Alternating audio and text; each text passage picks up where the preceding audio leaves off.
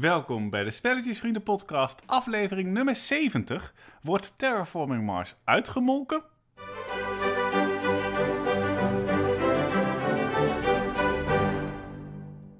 Ja, maar daar komen we zo wel op terug. Ik kom er zo wel op. Geef was het een antwoord. Ja, jij Ja. stelt mij die vraag zo. Ik denk, ik geef ons even het antwoord. Ja, eh, even een ander ding, Miek. Hoe voel jij je op dit moment? Ja, niet 100%. De mensen die ons een beetje volgen, die weten het inmiddels. Maar ehm, ik ben al twee weken eigenlijk eh, ziek. Ehm, het gaat wel al wat beter, maar ik klink nog steeds als Janis Joplin. En als je denkt, wat doet ze nou? Ik doe de hele tijd keelsnoepjes in mijn mond. In de hoop dat ik niet in hoesten uitbarst. Ja, dus, Dus dan weten jullie dat. het is Disclaimer. echt perfect voor een podcast. Ja, je stem perfect. is slecht en je moet af en toe hoesten. Ja. Nou, leuk. Ja, dat is vast echt heerlijk om aan te horen. Ik wil het even hebben over mijn problemen. Ik bedoel, jouw problemen zijn leuk hoor. Maar Mhm. eh, ik vind de mijne ook heel belangrijk. We hebben namelijk als volgt, we moeten volgende week stemmen. In Nederland Oh, overigens. verrek, ja. Ja, en Ja. voor de mensen in België, waar gaan we dan voor stemmen? Nou, we gaan voor het waterschap stemmen en Ja. voor de Provinciale Staten. Ja. En mocht u denken, wat is dat precies? Dat weten we eigenlijk ook niet. we, we doen maar wat. We gaan naar zo'n dingetje toe. We komen opdagen. We zetten ergens een rood rondje en we denken, het is wel prima. En maar ik nou, denk, dat is niet waar. Is niet waar, We doen klopt. het- Je Ja. moet stemmen en je moet van tevoren even inlezen waarop je gaat stemmen. Dat zijn eigenlijk de twee regels. daar wil ik het over hebben, over Ja. het laatste punt. Want dat heb ik dus gedaan. Ik heb een Heb ingelezen? ingevuld. Ja, ik heb Oh, nee. ingevuld. Ga je nou vertellen wat eruit kwam? Ik ga vertellen wat eruit kwam. Echt? Ja, Oh? niks. Huh? Ik zat als volgt namelijk. ik zal het even uitleggen. Ik, eh, blijkbaar ging dat voor onze provincie. Eh, ik, ik zal even vertellen hoe ik politiek erin sta. Als ik heb niet een- Gelderland trouwens. Ja, eh, ik heb niet een extreme mening, dus daar wil ik bij een prima voor uitkomen. Ik zat extreem in het midden en redelijk progressief. Maar blijkbaar, in Gelderland is, is dat een niemandsland. Er zit niks. Wat? Dus ik kon wel, op een gegeven moment gingen ze met drie vakjes gingen ze aangeven. Nou, zit, je, zit deze partij in het eerste vakje, dan sluit hij heel goed aan bij wat je wil. In het tweede vakje nog iets beter, nou nog iets minder moet ik zeggen. En in het derde vakje kun je net zo goed op een taxi stemmen. Nou, alle politieke partijen zaten bij mij niet in het eerste of in het tweede vakje. Maar wacht even. Is dit, ik heb nog geen stemwijzer ingevuld dit jaar. Is dit weer zo'n stemwijzer waar eh, je zelf mag zeggen welke partij er meedoet? Oftewel heb jij alleen gezegd, zeg maar, de grote partijen doen mee en de eh, Piet, Jan, Klaassen voor eh, de Gelderland, die sluit ik uit? Eh, daar, daar ben ik nog niet eens aan toegekomen. Ik heb gewoon alleen heb ik die vraag ingevuld. En dan krijg je zo'n politiek spectrum met links, rechts, progressief, blablabla. En toen zat ik dus heel erg in het midden en een beetje bovenaan. Maar ja, dat was dus gewoon in, in mijn cirkeltje. Ik, ik zat gewoon in niemands land. Wat ga je nou doen? Rond te kijken. Ik, ik ga maar iets stemmen wat het, het dichtst in de buurt komt of zoiets. Ik, Ja, maar dat is dus die taxi. Ja, de pira Piratenpartij of zo. Ik, ik weet ik het ook niet. dat je je eigen politieke partij moet beginnen. Nou, dat is de ik- enige oplossing. Heb ik ook over nagedacht. is waarschijnlijk sneller. Ja, ik dacht namelijk, de, dan doe ik het wel in mijn eentje, de Solo-Geertpartij, SGP. Daar moet nog geen afkorting voor te vinden zijn. Goed, nou, ik moet Marieke niet aan het lachen maken, want dan uh, Ja, dat is het door. probleem, ja. Maar eh, ga jij, eh, je gaat stemmen, dat weet Nou, ik, ik maar ga ga je nog sowieso een, vandaag ook die stemwijzer invullen, want Ja. ik ben nu heel benieuwd waar ik op uitkom.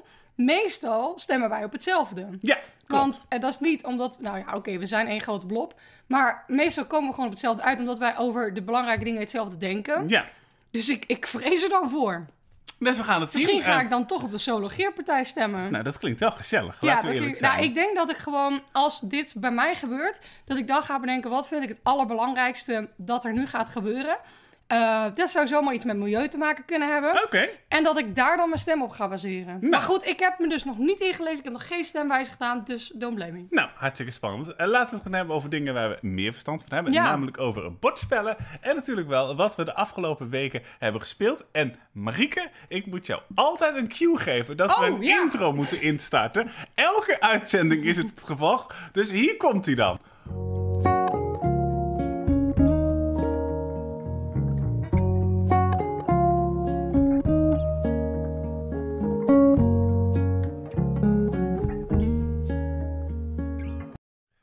De afgelopen weken hebben wij eh, drie spellen gespeeld. Het was een klein beetje zoeken. Ik heb je Ja. gisteren nog naar de speeltafel gestuurd... omdat we nog even wat nieuwe spellen moeten spelen. Omdat het gewoon, doordat we niet helemaal 100% Ja. waren... niet extreem veel nieuwe spellen waren. Nee, en we delen natuurlijk niet alleen hier wat we gespeeld hebben aan nieuwe spellen, maar ook in de bordspelshow. En we willen niet de hele tijd hetzelfde delen. Ik zie dat er eentje overeenkomt. Eh, dit keer. Ja, ja nou, die hebben, Ja, dat is niet anders. die hebben wel een de gedaan, maar nog niet echt onze mening daar gegeven. Nee, dat is waar. Dus daarom dacht Maar ik, het is even roeien met de riemen die we hebben, dames en heren. Ja, de eerste is, eh, daar had je het ook over, Ja. Dice Hospital. Die is eh, deze week ook in de aanbieding als je hem direct luistert, de podcast. En Dice Hospital is eigenlijk een, een, een, een soort Sagrada, in ieder geval voor de fans van. Je gaat namelijk dobbelstenen plaatsen en die dobbelstenen probeer je beter te maken. Ja, je werkt dus in een ziekenhuis en eh, je probeert die dobbelstenen beter te maken. En dat doe je door ze te upgraden. Dus je wil eigenlijk dat ze boven de 6 uitkomen. En nee, het is wel gewoon een normale dobbelsteen. Maar als hij op 6 staat en je verbetert hem, dan verdwijnt hij eigenlijk naar een andere plek en is hij beter gemaakt. Ja, en de dobbelsteen heeft twee kanten, namelijk hij kan ook onder de 1 komen. En als de dobbelsteen onder de 1 komt, ja, dan is het En helaas dobbelsteen heeft gebeurd. zes kanten, Geert. Ja, maar ik bedoel, ik bedoel eigenlijk meer, het kan twee kanten op. Ja, precies. Het kan, twee kanten, op. ja. Dus als die onder de 1 komt, als je een patiënt gewoon een beetje laat zitten en je denkt, ja, waarom zou Ja, ik er een dokter op dan hoeft hij afsturen? geen stemadvies meer in te vullen. Hoeft hij geen stemadvies meer in te vullen, kan hij niet meer op de sologeerpartij nee, stemmen. dat is jammer. Eh, maar dan is hij ook helaas gegaan, gegaan en dat eh, zorgt ook voor nog twee minpunten aan het Ja. einde van het spel. Verder heb je, eh, je hebt eigenlijk tegels en je hebt kaarten. Tegels die breiden je ziekenhuis uit. Dus dat betekent dat als je daar een meeple naartoe stuurt, dat je sterkere acties hebt om die dobbelstenen te verbeteren. Bijvoorbeeld eh, een rode dobbelsteen drie stappen vooruit in één keer.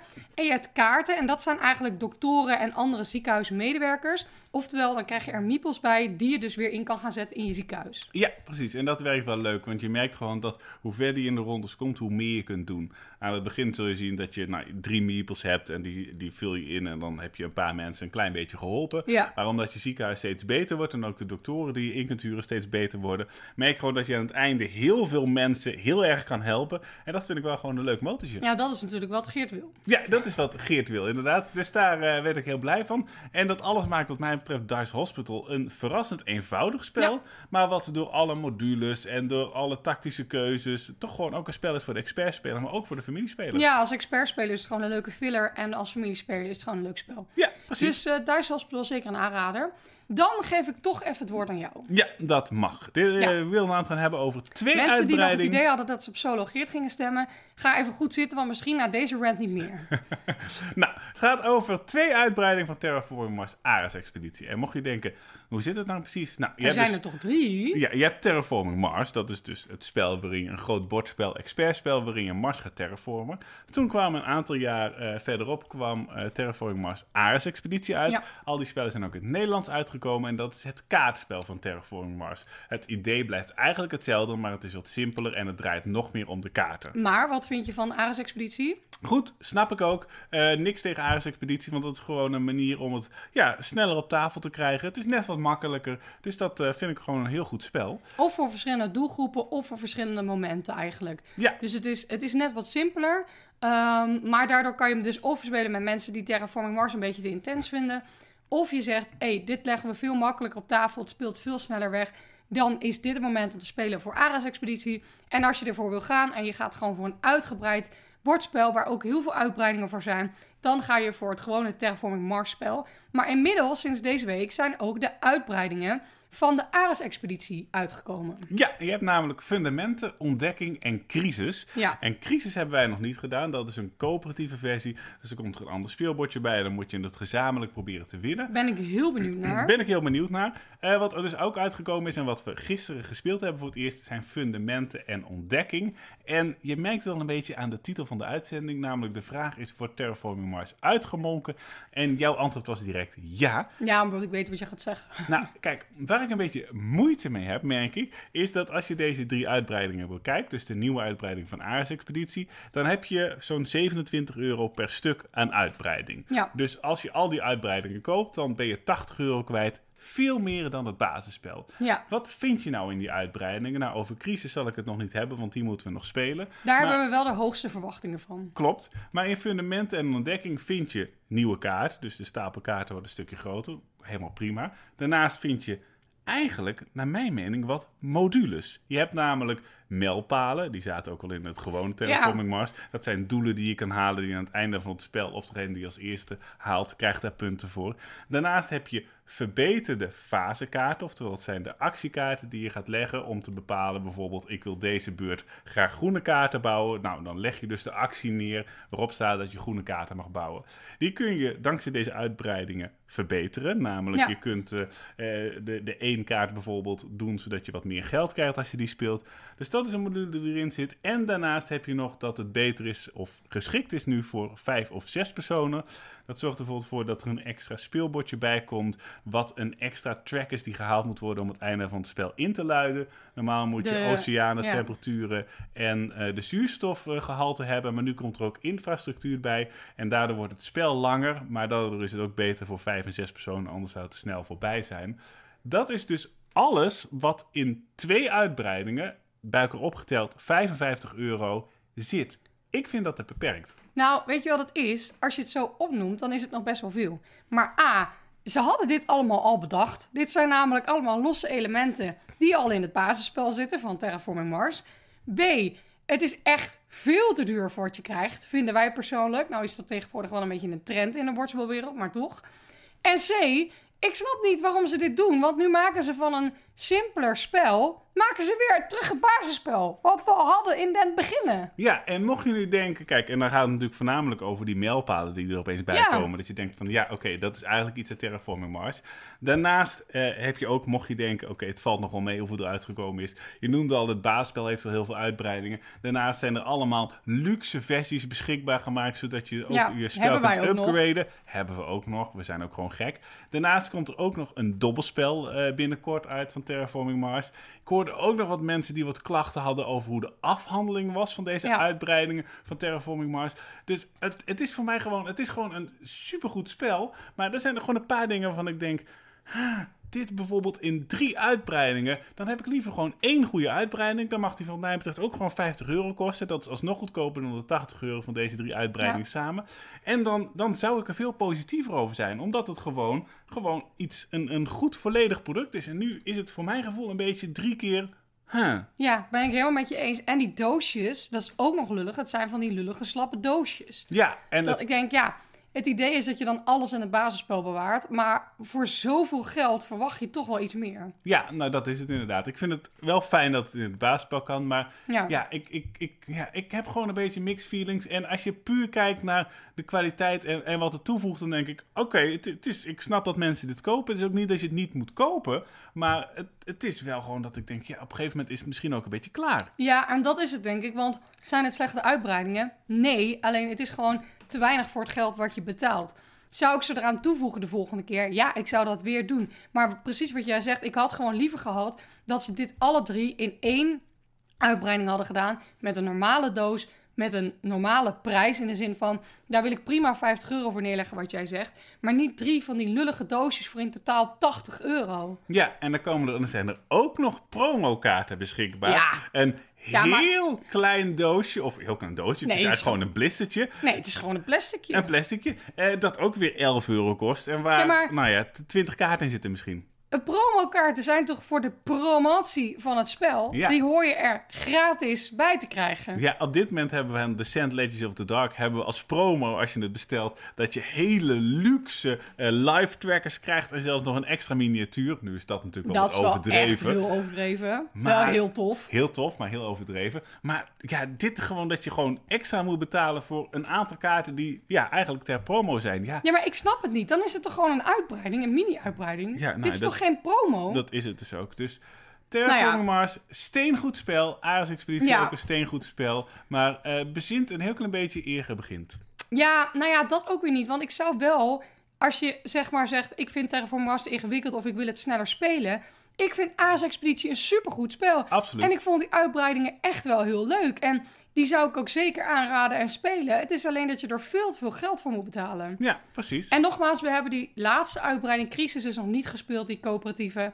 Dus misschien dat die veel meer toevoegt voor eh, de prijs en is dat dan helemaal prima.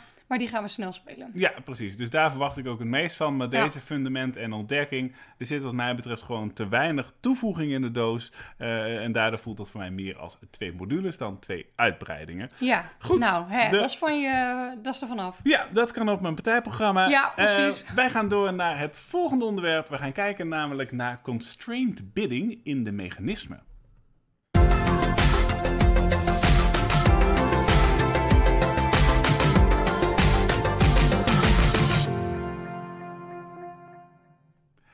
Constrained bidding. En dat bestaat uit twee woorden. Je verwacht het al. Constrained en bidding. Ik had ze- het vermoeden. niet precies voor je vertalen. Maar wat dit dus eigenlijk is, is, is een, een variant op bieden. Ja, dus precies. je hebt gewoon standaard bieden. Maar dit is een, een wat meer gecentreerde manier van bieden. Het is namelijk een mechanisme dat andere veilingtechnieken kan wijzigen. Spelers mogen niet elk nummer bieden dat ze willen. Ze mogen alleen bieden op basis van verhoging en of combinaties van bepaalde middelen. Dus of je kunt bijvoorbeeld zeggen, nou ja, ik, ik mag een, een vast aantal getallen bieden. Ik noem Ja. maar wat, ik heb eh, 1 tot en met 5 en daar kan ik maximaal mee bieden. Eh, of het kan bijvoorbeeld zijn dat je alleen een bepaalde verhoging mag doen, of juist een combinatie van grondstoffen of iets dergelijks. Dus daardoor is dit een iets eh, preciezere vorm van bieden dan dat je eigenlijk maar mag doen wat je wil. En dat vind ik heel leuk, want ik Ja. hou niet heel erg van bieden. Maar zijn uitzonderingen daar gelaten. Bijvoorbeeld de dwerg van Nida Vlier. Dat is een voorbeeld van constrained bidding. Bij de dwerg van Nida Vlier probeer je eigenlijk ja, dwerg te kopen. Een beetje raar, maar volken aan te trekken. Ik weet niet precies eh, wat het verhaal achter is.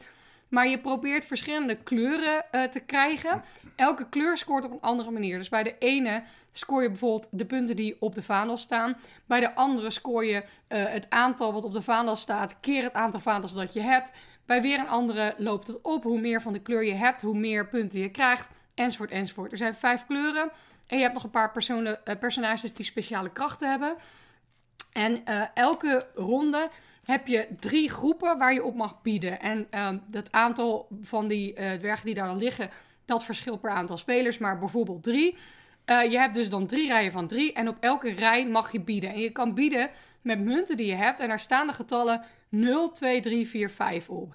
Die mag je in gaan zetten. Dat doe je natuurlijk gesloten, zodat de rest het niet ziet. Dan wordt het open geproduceerd en dan mag degene die het hoogste bod heeft als eerste kiezen. Maar als je de 0 inzet, dan bied je dus heel weinig. Maar een 0 betekent dat je een andere munt mag upgraden naar een hogere waarde. Waardoor je dus steeds hogere munten krijgt waar je mee kan bieden. Ja, dus dat is gewoon echt een heel erg goed spel. Helaas niet meer in het Nederlands beschikbaar, maar misschien kun je hem ergens nog in het buitenland krijgen.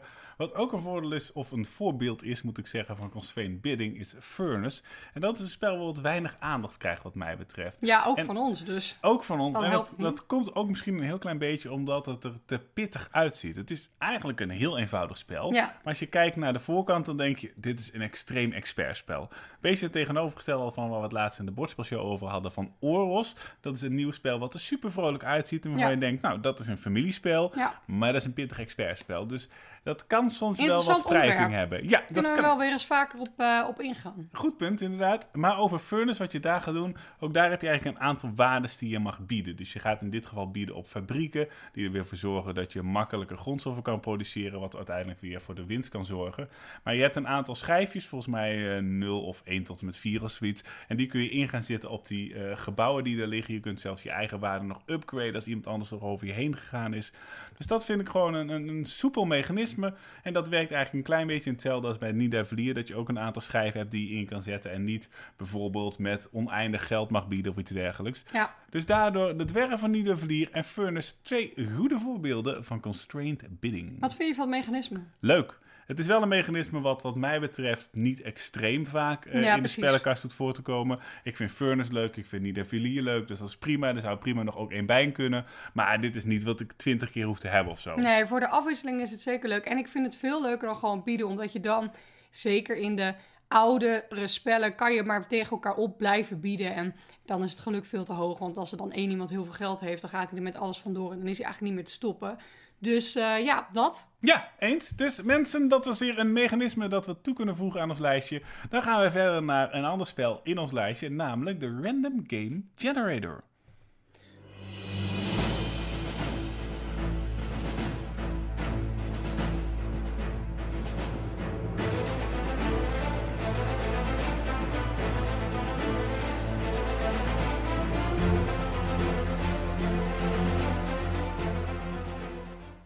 De Random Game Generator. Je hebt de telefoon weer bij de hand. Ja, ik kan inmiddels uit 1108 spellen kiezen. 1108. Zoek een hobby. Ja, nou, En- dat is dus. En de helft daarvan is dus Terraforming Mars, mensen. Dat is toch ongelooflijk? Oké, ik, ik probeer gewoon, eh, gewoon intiem te lachen nu. Want Ja, dat is anders dan barst ik weer in hoest uit. Ja, dat moet je Maar, niet hebben. Haha, ik vond het leuk. Nou, dit is goed voor mijn zelfvertrouwen. Oké, dit is een probleem. Want Ja. ik heb op de Ros Dobbelsteen geklikt en hij zegt het spel quiz. Ah, quiz is altijd mijn favoriet geweest. Ja, weet je wat leuk. dit is? Wat dan? Ja, ik, ik, ik weet het ineens. Wat dan? In coronatijd Ja. gingen wij online afspreken met familie. Ja, dat klopt. En dan gingen wij videobellen met, eh, eh, nou ja, eigenlijk mijn ouders, maar ook met jouw ouders. En eh, met jouw ouders en jouw broer en mijn zwager en schoonzusje hadden we op een gegeven moment bedacht, ja jongens, we moesten wat. Het lijkt alweer een leven geleden. Dat we quizzen gingen maken voor elkaar. Ja, Dus dan eh, hadden we, ik weet alleen nog welke quiz ik zelf had gemaakt, maar dat ging dan over eh, een jaar. Volgens mij gaan, en- en namen we steeds een persoon in ons hoofd en daar gingen we dan een quiz over maken voor iedereen. Ja. Ik had eh, jouw broer en ik had zijn geboortejaar gepakt en ik had van alle geboortejaren, van het geboortejaar, had ik allemaal vragen bedacht. En dat ging dan bijvoorbeeld over, dit zijn de eerste 10 seconden van een muzieknummer wat toen op de eh, hitlijsten stond. Welk nummer is dit? Of andere vragen over dingen die in zijn geboortejaar gebeurd waren. En ja, als je de quiz won, dan won je. Dus Ja. dat is de quiz. Nou, zijn jullie nu blij? is toch leuk? Eh, Er is de Solo Geert-partij trouwens ook voor, voor meer quizzen. Oh ja, oké, top. mi- minder Ik, eh, corona, meer quizzen. Ik ga hem Ja. toch nog een keer doen, denk Ja, ik. doe voor, nog voor maar een wat keer. meer eh, Ja. variatie. Ah, King Ah, Domino. King Domino. Dit is Leuk. een leuk spel inderdaad. En de King Domino eh, franchise wordt natuurlijk steeds groter. Met ook nog Queen Domino en Wo- Wordt Dragomino. Queen Domino uitgemolken, Geert? Nee, ik vind het hier eh, niet eigenlijk. Want ik vind hier dat er zoveel variatie in zit. En ik vind dit gewoon een leuk mechanisme. Dus En er is ook op zich niks tegen uitmelken, hè? want ik ben ook een verzamelaar. Dus ik vind het op zich helemaal niet erg. nee, en je kunt natuurlijk ook zeggen, wordt Arkham Horror uitgemolken. Want daar zijn ook superveel uitbreidingen Jongens, van. als je niet tegen uitmelken kan, dan moet je niet in de bordspelhobby beginnen, want dan ga je je helemaal kapot ergeren. Maar King Domino, Ja. wat vind jij en wat is King Domino? Nou, King Domino is eigenlijk een puzzelspel in de puurste vorm met domino-stukken. En dan niet met domino-stukken met getallen, staan er volgens mij op de originele domino's. Ja, klopt. Stippen toch, ja? Ja, Eh, maar met gebieden. Dus je hebt een, een, een, eh, rechthoekige tegel, die is in twee vlakken verdeeld. En je hebt bijvoorbeeld zand en water. Je zal begrijpen dat het water aan het water moet en het zand aan het zand, want dat is het domino-gedeelte. Verder probeer je een, een gebied te maken en afhankelijk van of je King Domino, Queen Domino of een variant speelt, is dat gebied steeds groter. Het maakt volgens mij ook nog uit met hoeveel spelers je speelt. Maar volgens mij is de basis 5 bij 5. Dus één tegel met erop twee gebieden stelt dan twee voor. In het midden ligt jouw kasteel en daar moet je omheen bouwen. Het kasteel kan grenzen aan elk gebied wat je maar wil. Maar daarna moeten dus de gebieden aan elkaar grenzen die er zijn. Dus water aan water, zand aan zand. Zo zijn er vijf gebieden. Waar krijg je punten voor? Op die gebieden staan soms ook kroontjes. En je doet uiteindelijk van elk gebied, dus stel je hebt een gebied van vijf water en twee kroontjes zitten er in dat water, is het 5 keer 2 is 10 punten. Zo scoor je voor elk gebied. En volgens mij is dat de basis van King Domino. Heel simpel. ja er komt niet veel meer bij kijken inderdaad Nee. bij eh, King Domino. En het leuke is dat dit... Kijk, eh, Freddy en Saskia hebben af en toe Ja. zo'n spel wat ze gewoon helemaal kapot spelen. Ja, precies. Dus op dit moment is dat Azul en een tijdje geleden was dat King slash Queen Domino.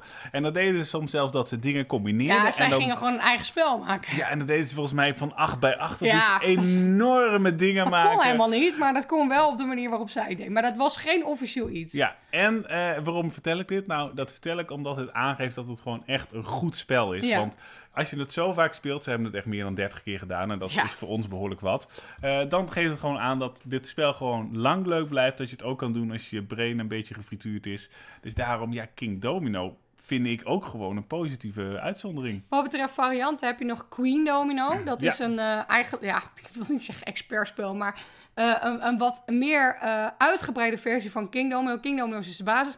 Queen Domino komen er nog speciale tegels bij eh, die weer andere acties hebben. Is gewoon net wat ingewikkelder.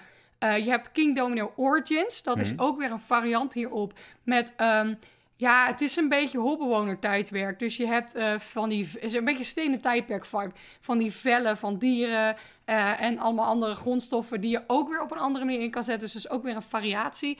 Maar eh, King Domino speel ik nog steeds regelmatig op BGA. Ja, dat snap ik en vind ik nog steeds leuk. Ja, vind ik zeker grappig. Want dat is precies zo'n perfect BGA-spel. eh want ik speel het dus tussendoor op mijn telefoon. Dus dan doe ik één zet en dan ga ik weer verder met wat ik aan het doen was. Eh, en dan vind ik het altijd fijn als iets simpel is eh, en niet ingewikkeld. Zodat ik niet veel in hoef te zoomen op mijn telefoon. En gewoon niet hoef te denken, oh ja, wat was ik ook alweer van plan. Maar gewoon zet en klaar. Nou, mensen, kijk, hebben we het toch weer Ja. over King Domino gehad, wat we normaal niet zouden doen. Dus dat eh, was de Random dat is Game de Generator. kracht van de Random Game Generator. Precies. We hebben een klein woordje van onze sponsoren en dan gaan we door met een nieuw spel dat staat bovenop onze wishlist. Ben jij net zo gek op bordspellen als wij? Sluit je dan aan bij de gezelligste club van Nederland.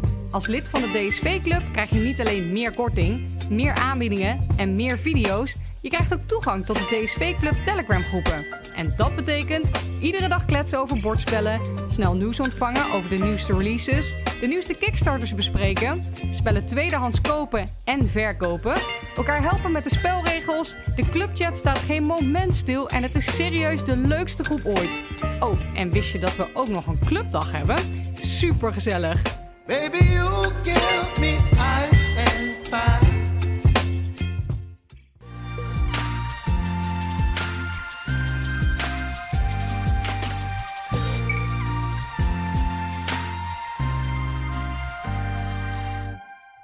Gisteren hadden wij eh, de Bordspelshow en toen gingen we kijken naar de spellen die verwacht waren bij Keep Exploring Games. Het ziet er weer goed uit. Het ziet er zeker goed uit. Ik heb er zin in. Ja, en een van die spellen die erop staat is van de maker van Bitoku. Wat ik nou echt een fantastisch spel vind. Misschien wel een 9. Ja, zeker. Heel leuk. Eh, het nieuwe spel van die maker gaat ook bij Keep Exploring Games. Dus gewoon in het Nederlands uitkomen. En dat is Sabika. Ja, sorry. Eh, ja, en dat gaat over het volgende. In Granada, op de heuvel van de Alsabica, verwezenlijkte de Nasriden Dynasty een, een van de meest indrukwekkende bouwwerken uit de geschiedenis, het Alhambra. hey, is dat Alhambra van het spel? Alhambra? Ik gok van wel. Ik Ja. gok ook van wel. Dit monumentale complex huisvest eh, zijn twee kilometer lange muren de best bewaarde paleizen van de klassieke Arabische islam. In Sabika speel je de rol in een van de edelen in de Nasride dynasty die bijdraagt aan de bouw van de torens, de tuinen, de paleizen van dit oude, ma- eh, majestueuze monument. Daarnaast moet je ook handelsbetrekkingen aanknopen in heel Europa, de Maghreb en de nabije eh, Oosten om voldoende inkomsten te genereren om de tribute te kunnen betalen die de Spaanse katholieke vorsten hebben opgelegd.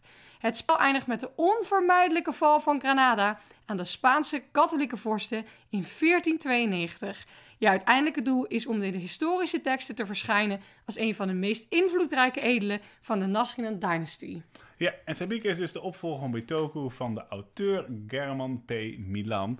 Ja, ik, Nou, heftig dat er sowieso een val komt. Dat Gewoon, is- no matter wat je doet in het spel, maakt eigenlijk niet uit. Alles gaat toch kapot. iets wat dramatisch. Ja. Maar ik vind dat wel, en dat is natuurlijk niet leuk, maar ik vind het wel leuk dat zo'n ja, zo'n thema, zo'n goed uitgewerkt thema, wat in de geschiedenis gewoon een, een duidelijk Ja. kenmerkend iets was, dat dat in het spel voorbij gaat komen. Ja, dat Leuk? vind ik ook altijd heerlijk. Bijvoorbeeld Messina, hè? Messina... eh, weet- 1347. 1347. Eh, eh, een spel van eh, Vladimir Succi vind ik ook echt... Vladimir Succi is het toch? Jazeker. Ik raak helemaal gefrituurd. Dat vind ik ook zo leuk, dat dat helemaal uitgelicht wordt. Hoe dat dan ging met de pest en de zwarte dood en dat soort dingen. En ik vind het altijd heel leuk als één specifiek item in de geschiedenis gewoon uitgelicht wordt. Ander voorbeeld is het spel van Mozart, eh Lacrimosa. Ja. Vond ik ook ontzettend goed gedaan. Ik hou daar heel erg van. Helemaal mee eens. Dus Sabika gaat eh, nou, op onze wishlist Ja, staan. dus- zeker. En op het moment dat hij uitkomt, gaan we hem zeker doen. Ik zag gisteren staan dat ze hopen dat hij in juni uit gaat komen. Dus Ja, dat, dat zou, zou nog mooi zijn. voor alle beurzen kunnen zijn. Ja. Gewoon een Nederlandse versie van dit expertspel. Gaan wij door met het volgende, namelijk onze BGG Top 2000. We zitten op dit moment bij nummertje 1300 tot 1400.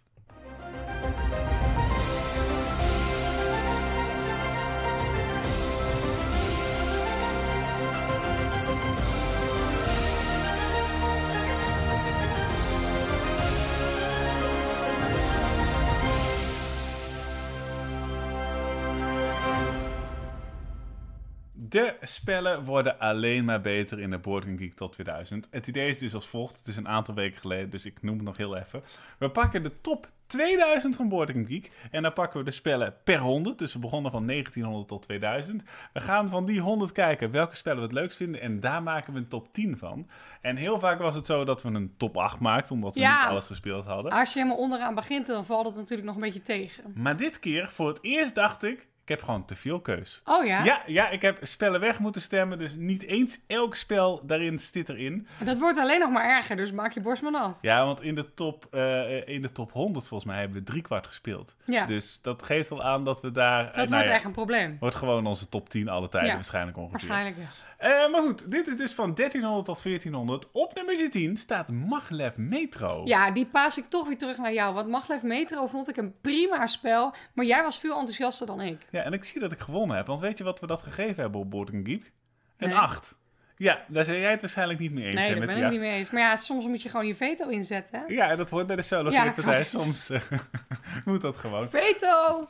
Maglev Metro is een spel waarbij je een metronetwerk gaat aanleggen. En het leuke is, en daar moet je toch met me eens zijn, ja, ja. dat je doet met dat van die plastic tegels. Dus je hebt een plastic tegel en daar staat één metrolijn op in een bepaalde kleur. Dus ik leg bijvoorbeeld op mijn spelersbordje leg ik een plastic tegel met erop een groene rechte metrolijn. Ik dacht dat je ging zeggen dat het leuke was. De metalen metro's waar de miepels in zitten. Ook leuk inderdaad, want uiteindelijk ga je dus verschillende metrolijnen maken en daar gaan eh, wagentjes overheen rijden, laten we ze metro's noemen, Ja, met voor meeples. En die moet je eigenlijk naar verschillende plekken brengen. Dus je moet de roze meeples brengen naar, weet ik het, het stadscentrum of iets dergelijks. Ja, ik vond dat gewoon heel leuk. Misschien moeten we hem nog eens spelen. Want als je het zo zegt, denk ik, wat vond ik er nou eigenlijk niet leuk aan? Nou, dat weet ik nog. Oh. Je was er niet goed in. het was een beetje een... ja, maar dat is niet nieuw, toch? Het was een beetje wiskundig, als in je kon het enorm vooruit programmeren. En ik ben niet een man van veel talenten, maar daar ben ik nog wel redelijk goed in. En jij vindt dat soms wat lastiger. Dus Ja. daardoor was het gewoon iets meer mijn spel dan jouw spel. Nou, ik denk wel dat jij hier de uitzondering bent. Want jij kan het gewoon extreem goed en ik kan het gewoon zeer middelmatig. Zou kunnen. Ja. Dus dat hielp inderdaad niet. Oké, oké. Op nummer 9 staat museum. En dat vind ik ook leuk, want daar hebben we het eigenlijk nooit over. Nee, het is wel een klein tragisch verhaal. Want dit is natuurlijk uitgegeven door Holy Grail Games. Oh ja. En dat is de uitgeverij die eh, zojuist failliet is gegaan. Omdat het allemaal niet meer eh, betaalbaar was voor hun. Maar laten we het alsnog promoten, want Ja. nu is hij er nog. Nou, Museum is om te beginnen een prachtig spel. Echt, eh, het ziet er fantastisch uit. En je gaat, nou ja, je verwacht het al, je eigen museum maken. Dus je gaat kaarten verzamelen op het speelbord die uit verschillende werelddelen komen. Die ga je juist neerleggen en zo probeer je eigenlijk groepen te maken van eh, je kaarten uit hetzelfde tijdperk of uit hetzelfde werelddeel. Want En je bent de curator. Ja, je bent de curator. Ja. En dat zorgt ervoor als je een zo groot mogelijke groep hebt van kaarten van dezelfde kleur, dan krijg je daar bijvoorbeeld veel punten voor. En als je juist bepaalde vleugels van je museum helemaal vol legt, dan krijg je ook er weer wat voor. Ja. Ja, dit is gewoon echt een goed spel. Ja, interessant gedaan. En je bent dus een museumcurator die de collectie samenstelt. Eh, het is een heel groot deel setcollectie, maar het ook maakt heel letterlijk uit waar je de kaarten neerlegt. Kan je ook steeds opnieuw herschikken, zoals een curator ook steeds natuurlijk weer de schilderijen anders ophangt, zodat het beter uitkomt. Dus dat is gewoon heel erg leuk gedaan. En artwork van de toen nog redelijk onbekende Vincent Dutrois, Ja. die we nu natuurlijk allemaal kennen als een groot bordspel. Maar eh, Artiest. Artiest, precies. Op nummer 8 staat Wild Space. En dit is ook zo'n spel wat eigenlijk ondergesneeuwd wordt. Ja. Want het is een, een grappig uitziend klein kaartspelletje. Wat ook in het Nederlands is uitgegeven, maar waar we het nooit over hebben. Die had Eh, trouwens ook een epische promo. Die had ook een epische promo, inderdaad. Dus dat was inderdaad van die houten eh, schepen Ja. kreeg je erbij, inderdaad.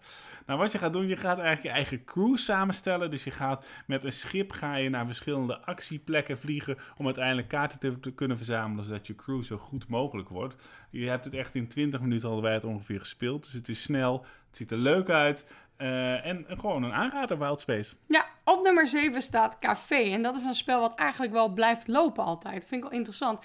Want het is niet zo populair dat het echt super hard gaat. Maar hij blijft wel altijd verkopen. Hij is er ook in een Nederlandse versie van eh, Hotspot. En die gaat over koffie. Ja, precies. En dit is zo'n spel wat je eigenlijk ook prima solo kan spelen. Het is, Ja. Je kunt het ook solo doen hoor. En je kunt het met meerdere doen. Maar het voelt voor mij een klein beetje als een solo puzzelspel. Wat je gaat doen, je wil eigenlijk de productie van koffie zo goed mogelijk geregeld hebben. Dus je probeert kaarten te verzamelen die je op je eigen tableau neerlegt. Die ervoor zorgen dat je blokjes krijgt wat koffie voorstelt. Maar dat je ook uiteindelijk de koffie het hele proces door kan leiden. Dus je gaat de bodem malen. Ja. En op die manier maak je koffie dat je kan verkopen aan verschillende restaurants. En als je dat verkoopt aan een restaurant, dan krijg je de punten voor. En degene met de meeste punten die wint. Ja, gewoon een leuk spel. Ziet er niet zo flitsend uit, maar wel leuk. Op nummer 6 staat Kahoot. En Kahoot is een kaartspel dat wij toch ook wel heel regelmatig aanraden. Omdat het gewoon een heel grappig, origineel spel is wat voor iedereen leuk is. Eh, je hebt allemaal kaarten in je hand met daarop getallen en daar probeer je doelen mee te halen. Ja, er liggen namelijk vier kaarten open. Dat zijn stapels met, nou ja, dus getallen erop en ook bepaalde kleuren. En daarnaast ligt op dit moment een doel open. Bijvoorbeeld eh, de combinatie van de eh, roze getallen die open liggen moet 7 zijn. Ja. Dus je gaat coöperatief met de kaarten die je, die je in je hand hebt ervoor zorgen dat de roze kaarten die op die vier stapels open liggen, bij elkaar opgeteld een waarde hebben van 7. En dan denk je, nou, makkelijk, spel gewonnen. Maar er ligt een hele stapel met doelen. Volgens mij iets van 15 heb je er Ja, het wel. is echt heel moeilijk. Dus het is pittig om dat te halen voordat de stapel met speelkaarten op is. Je kan natuurlijk wel de moeilijkheidsgraad variëren door minder van die doelkaarten of juist meer van die doelkaarten te pakken. Maar het is echt pittig, want heel vaak komt het op die laatste twee kaarten aan. Op nummer 5 staat Star Wars Unlock. En Unlock is natuurlijk een heel bekend escape room spel waarbij je kaarten met elkaar moet combineren om zo eigenlijk puzzels op te lossen of om items te ontdekken die je dan ook weer kan combineren met elkaar. Het is een heel bekend principe waar inmiddels geloof ik 10 delen van uit zijn. Maar er zijn ook nog eens paar, een paar speciale delen, waaronder dus de Star Wars versie. Ja, en daar zitten drie eh, escape rooms in. En die zijn net wat makkelijker dan eh, andere spellen in het Unlock-universum. Ze zijn volgens mij qua moeilijkheid 1 en 2. En volgens mij loopt de moeilijkheid tot 3. En vaak heb je in zo'n box heb je ook wel een wat pittigere eh, Ja. escape room zitten. Er is altijd één niet te doen. Ik vond deze drie allemaal eigenlijk prima te doen. En daardoor vond ik Unlock Star Wars ook super leuk om te spelen. Dus ja, nou, niet alleen daarom, maar er zaten gewoon... En wij zijn helemaal geen Star Wars kenners hoor. Maar we vinden het wel leuk. Er zaten zoveel leuke Star Wars referenties en grapjes in... die ik natuurlijk niet ga herhalen. Maar die gewoon heel leuk gedaan waren. Eh, dan op de nummer 4 staat Aftermath. Ja, en dat is het vervolg. Nou, het is niet echt het vervolg, maar het is van de maker die altijd van die verhalende boeken maakt. Van spellen die ook leuk zijn voor het hele gezin. Je kunt denken aan Mice and Mystics, je kunt nou, denken aan Aftermath. En het leuke hiervan was, is dat de wereld vergaan was. Dat was wat minder leuk. Maar je gaat met allemaal schattige dieren, ga je proberen overleven in die wereld die dus vergaan is, waar geen mensen meer zijn. En je gaat de stad eigenlijk ontdekken door telkens vanuit je basis verschillende pagina's eh, van het boek te doorlopen. En dat was gewoon echt altijd leuk om te doen. Ja, je moet natuurlijk eten verzamelen, maar je moet ook vijanden verslaan. Vaak grote ratten en dergelijke. Zeker heel leuk om te doen voor de liefhebbers van eh, bijvoorbeeld Familiar Tales eh, of andere spellen uit die serie. Op nummer 3 staat er eentje die echt heel recent nog is uitgekomen, namelijk Mille Fiori. Ja, van onze Reiner Kniets. Ja, onze Hupsakee, Reiner. staat gewoon al in de top 1400, want helemaal terecht. Het is een heel goed spel. Zeker. Het is een beetje een combinatie tussen Azul, clever. Nou, wat ga je doen? Je hebt namelijk verschillende vakken op het speelbord waar je van die plastic tegels op gaat plaatsen. En elk vak werkt op een andere manier. Bij de ene probeer je een zo groot mogelijke groep te maken, bij de andere een slang van tegels. Er is anders weer een, een piramide die ervoor zorgt dat je op bepaalde manieren punten kan scoren. En je probeert eigenlijk een groep zo goed mogelijk te doen, want dan krijg je een motortje aan punten. En daardoor kun je gewoon dik over de 200 punten scoren. Ja, heel leuk. Het ziet ook nog eens heel mooi uit. Zeker een aanrader voor mensen die eh, van dat soort spellen houden. Wij spelen het in ieder geval heel graag. Op nummer 2 staat Cloud Age, eigenlijk een ondergesneeuwd spel van Alexander Pfister. Ja, je gaat met je, je, je, je airship ga je over. Een, een woestijn, Zeppelin, check, woestijn eh, vliegen. En je gaat proberen soms een, een knokpartijtje te doen, maar voor de rest ga je eigenlijk proberen om verder te komen in het verhaal, want er zit weer een, een verhalende campagne in. En voor de rest ja, ga je weer je eigen crew zo goed mogelijk opbouwen. Je kunt je Zeppelin upgraden.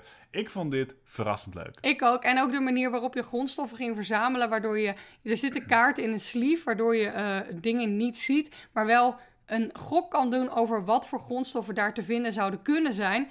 En eh, daardoor kan je zeg maar een deel zien. En kan je denken: oké, hier zal wel veel erts liggen. En dan ga je die kaart kiezen. En dan ga je kijken wat eronder zit. Was ook echt heel tof gedaan. Dus eh, zeker een spel waar je naar moet kijken. Waar te weinig mensen het over hebben. Maar wat wel echt een aanrader is als je van eh, Alexander Pfister houdt. Op nummer 1 staat, hoe kan dat ook anders? Sherlock Holmes, Consultant Detective, The Baker Street Irregulars. Ja, het nieuwste deel in de serie en mijn favoriete deel Zeker, in de serie. mijn De ook. groene voor de kenners. En het, wat ik hier zo leuk aan vind, is dat het iets makkelijker is. Dus we hebben zowaar een scenario gewonnen. Ja, dat mag wel in de krant. Dat mag zeker in de krant. En eh, daarnaast gaat het ook wat verder in op eigenlijk de hulpjes van Sherlock Holmes. Ja. De straatschoffies, zoals ze zichzelf noemen. En eh, het gaat een beetje in ook over het verleden van karakters die je al uit andere delen kan kennen. Ja, de verhalen erin zijn zo goed. Ja, de, alles klopte aan deze. Ze waren gewoon beter te doen, beter te volgen. Het was logischer, eh, iets makkelijker. En inderdaad, de verhalen van die Baker Street Irregulars waren ook heel tof gedaan. Dus wat mij betreft zeker mijn favoriete deel. Ik hoop heel erg dat er binnen niet al te lange tijd een nieuw deel komt. Maar ze doen altijd eindeloos over om deze delen te maken. Dus het zal nog wel heel lang wachten worden. Dat vrees ik ook. Maar dit zijn wel tien spellen die allemaal goed zijn. Ja, Dus eh, mensen, dit zijn gewoon van 1300 tot 1400. Ja. Zitten er minimaal 10 toppers in. ik wens ons veel succes voor de spellen die gaan volgen. Het wordt alleen maar moeilijker en alleen maar beter. Wat hou ik toch van de Board Geek Top 2000? Goed, wij gaan door naar een luisteraarsvraag. En we hebben een leuke persoonlijke vraag van Wendy.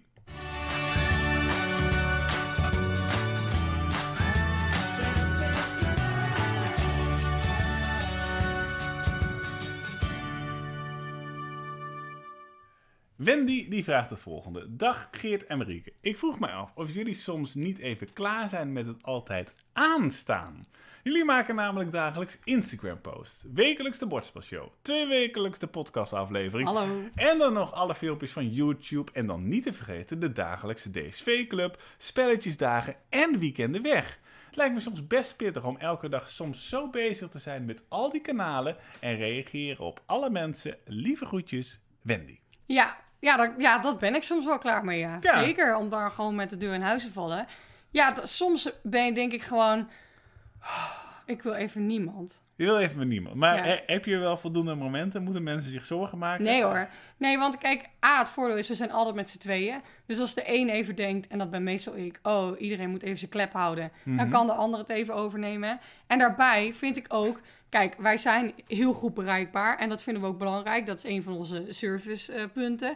dus dat wil ik ook zeker niet eh, weghalen. Maar dat hoeft niet te zeggen dat ik om tien uur s'avonds nog ieder appje moet beantwoorden. Nee. Dus ehm, ja, er zijn gewoon heel veel eh, plekken waar mensen ons vragen op stellen.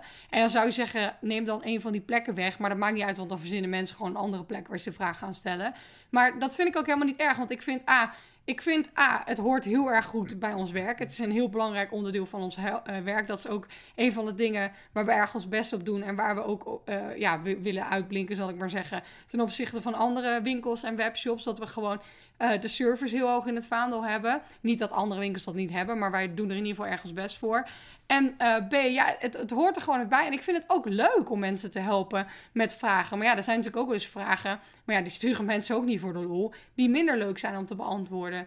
Ik denk dat de drukste plekken waar we continu vragen zijn. Sowieso de mail natuurlijk. Maar ja, dat is logisch, want is de klantenservice. Dat zijn voornamelijk vragen over bestellingen waar iets blijft, wanneer iets komt.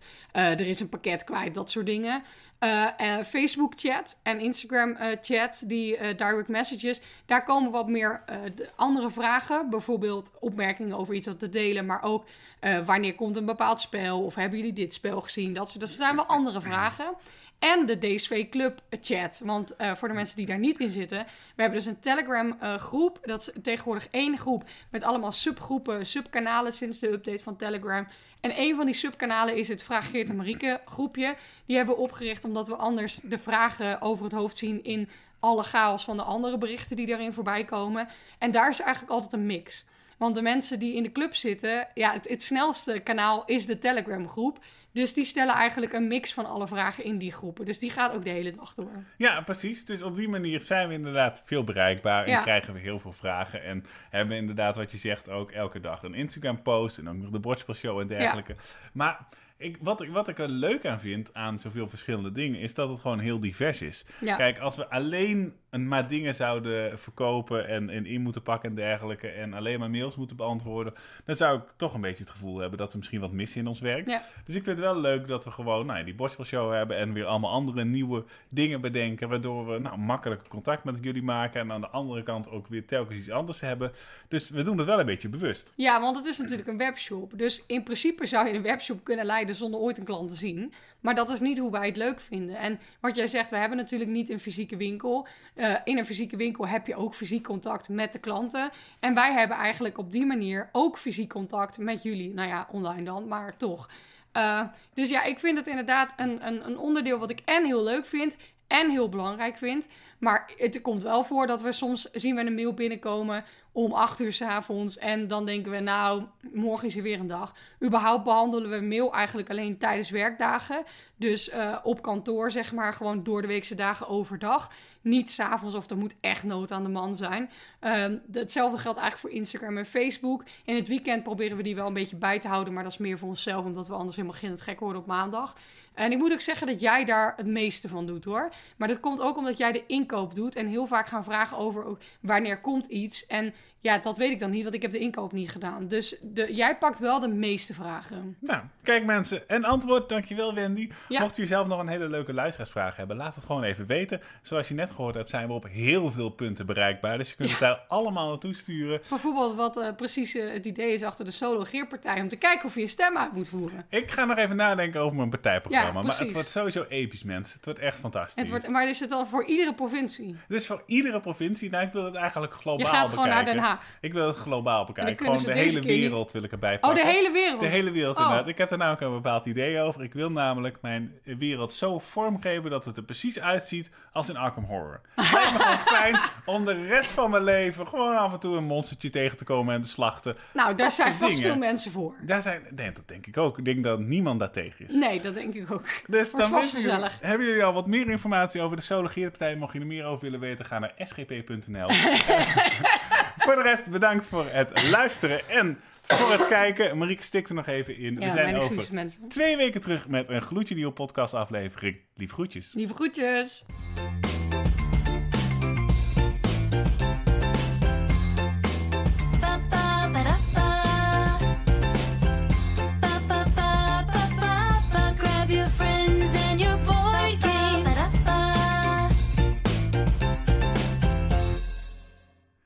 We noemden net iets naar elkaar. We zeiden namelijk, jouw broertje heeft net een vakantie geboekt. Ja, Jouw ouders hebben net een vakantie ja. geboekt. Twee zelfs. En jij zei tegen ons, Ja, wij niet. wat ze met ons gaande zei Wat ik. is er met ons gaande? Ja. Wij zijn de afgelopen tien jaar veranderd van mensen die alleen maar praten over vakanties, naar mensen die op dit moment geen vakantie in het vooruitzicht hebben. Ja, ja, dit is weer iets wat de mensen helemaal niet weten. Maar nog, ik heb het al eerder gezegd, wij hebben best wel veel banen gehad. Jazeker. Toen ik eh, nog student was en net student af was, was ik onder andere reisblogger. Ja, mensen denken echt, waar komt dit nou weer vandaan? Ja. Uh, maar ik had best wel een... Ja, jongens, dit is in de tijd dat de blogs nog booming business waren. Hè? Mhm. Voor de Gen Z, doe maar even je oren dicht, want jullie begrijpen dit helemaal niet. ja, een blog is een stukje tekst Ja. op het internet wat geen TikTok-video is.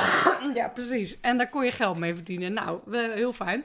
Uh, maar ik schreef dus over de reizen die we maakten. Wij maakten veel reizen met als uitgangspunt zo vaak mogelijk... Oh ja, dat zouden we nu ook echt niet meer kunnen doen.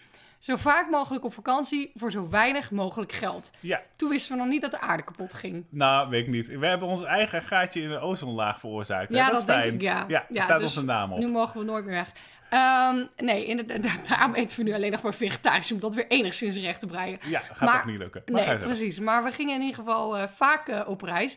En dat waren dan citytrips of wat langere reizen. En eh, ja, dus zo goedkoop mogelijk. We gingen niet altijd backpacken, want dat was niet helemaal ons ding bleek. Maar we gingen wel zo goedkoop mogelijk. En daar... Sorry, ik moet... Kun je even verder vertellen? Zeker, ik kan het zeker verder vertellen. We hadden zelfs een, een, een budget per vakantie. Dus Ja. dan was het soms zelfs... We zijn een keer naar Marokko geweest en eh, heel veel dingen zijn verkeerd aan deze reis. Maar goed, het was voor ons leuk op dat moment. Namelijk naar Marokko geweest voor minder dan 250 euro voor vier dagen. Kijk, Wat was verkeerd aan die reis? ik bedoel meer, het was gewoon zo spotgoedkoop. We Ja, dat- vlogen voor 10 euro. Ja, dat kan echt Ja. niet. Nee. Dus, nou ja. goed, en dat was allemaal hartstikke leuk Misschien op moeten dat we nog moment. even duizend bomen planten. Dat is wel nodig. Maar eh, dus we gingen toen heel vaak op reis. We hadden Ja. ook meerdere reizen eh, gepland staan eh, eigenlijk. Ja, Dus- maar we hadden ook werk waarin dat kon. Want Ja. wij werkten toen, naast dat we studeerden, werkten we ook als videograaf. Dus en ik had mijn reisblog waar ik geld mee verdiende. Niet heel veel geld, maar wel wat. En eh, we, we hadden natuurlijk ook niks nodig, want we waren student. En eh, we waren videograaf. Maar dat konden we natuurlijk zelf plannen. Dus we konden ook in het laagseizoen, gewoon op random momenten waarop niemand weg kon, zeiden wij, nou, tabé, wij zijn er vandoor. We zijn volgende week weer terug. Ja, Dus dan kostte het nog minder geld en konden we daar weer over schrijven. Eh, we hebben wel echt wat coole dingen gedaan voor die reisblog. Zo zijn we een keer op persreis geweest naar Servië. Was echt te gek voor een week lang. Eh, we hebben, ik ben in mijn eentje naar Noorwegen. Nou, niet in mijn eentje, maar jij ging niet mee. Naar Noorwegen geweest op persreis. En zo hebben we wel vaker verder wat meer persweekendjes en dergelijke.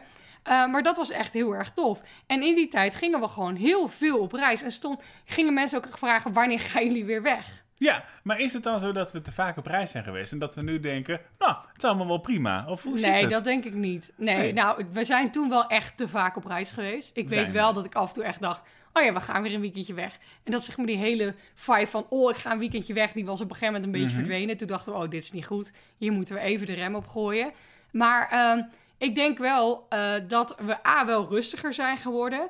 Want ik weet nog dat afgelopen... eh, zo, was het de zomer of de her... Nou, ik weet niet. We gingen... Vorig jaar gingen we een keer naar Italië. Mhm. Maar toen was de vraag of we of naar Albanië zouden gaan of naar Italië. Albanië is een van de weinige Oostbloklanden waar we nog niet geweest zijn. Dat leek ons super tof. Maar toen zeiden we ja, ja, in Albanië is niks aangegeven. We wilden toen voornamelijk om te hiken. We dachten, ja, dan moeten we weer eindeloos zoeken waar naar je naartoe moet. Want er zijn geen wandelpaden aangegeven. En dan moeten we zoeken. En ik weet het niet, ik weet het niet. En toen gingen we dus... Ja, dit zouden echt fu- eh, eh, puber Geert en Marieke echt verschrikkelijk vinden. Toen dachten we, nou, weet je wat? We gaan gewoon lekker naar Zwitserland en naar Italië. Lekker makkelijk. Ja, dat was heel erg leuk. Ja, nou, dat was super leuk, want daar konden we gewoon uitstappen en elke hike lopen die we wilden. Dat was echt heel mooi. Absoluut. Maar inderdaad, het is wel dat we wat, wat rustiger geworden zijn Ja, misschien. maar aan de andere kant, we kunnen nu ook niet makkelijk weg. Want we hebben de webshop, dat gaat aan één stuk door. Je kan gewoon niet zeggen, nou, hey, wij gaan er even drie weken tussenuit. Nee, dus... nou en voor heel veel reizen die ik nog zou willen doen, heb je aan een week niet genoeg.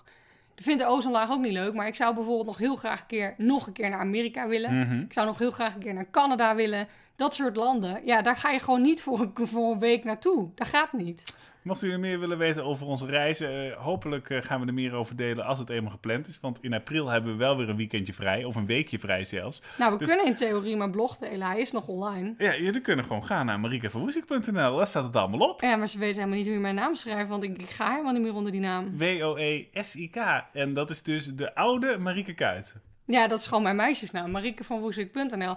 Kan je alles terugvinden over elke reis die we in het verleden gemaakt hebben. Maar let niet op de schruifstel, want ik was jong. Lieve mensen, dit was hem. Over twee weken zijn we terug met een gloedje nieuwe uitzending. Geniet van jullie komende weken. Ga allemaal stemmen als je in Nederland woont. En eh, fijne dag. En gaan wij dan nadenken over waar we dan wel heen gaan? Als Ja. we weer op, of gaan we de volgende vakantie gewoon lekker thuis blijven? Wij eh, gaan hierover nadenken. Ja, we komen hier nog wel op terug. Doei!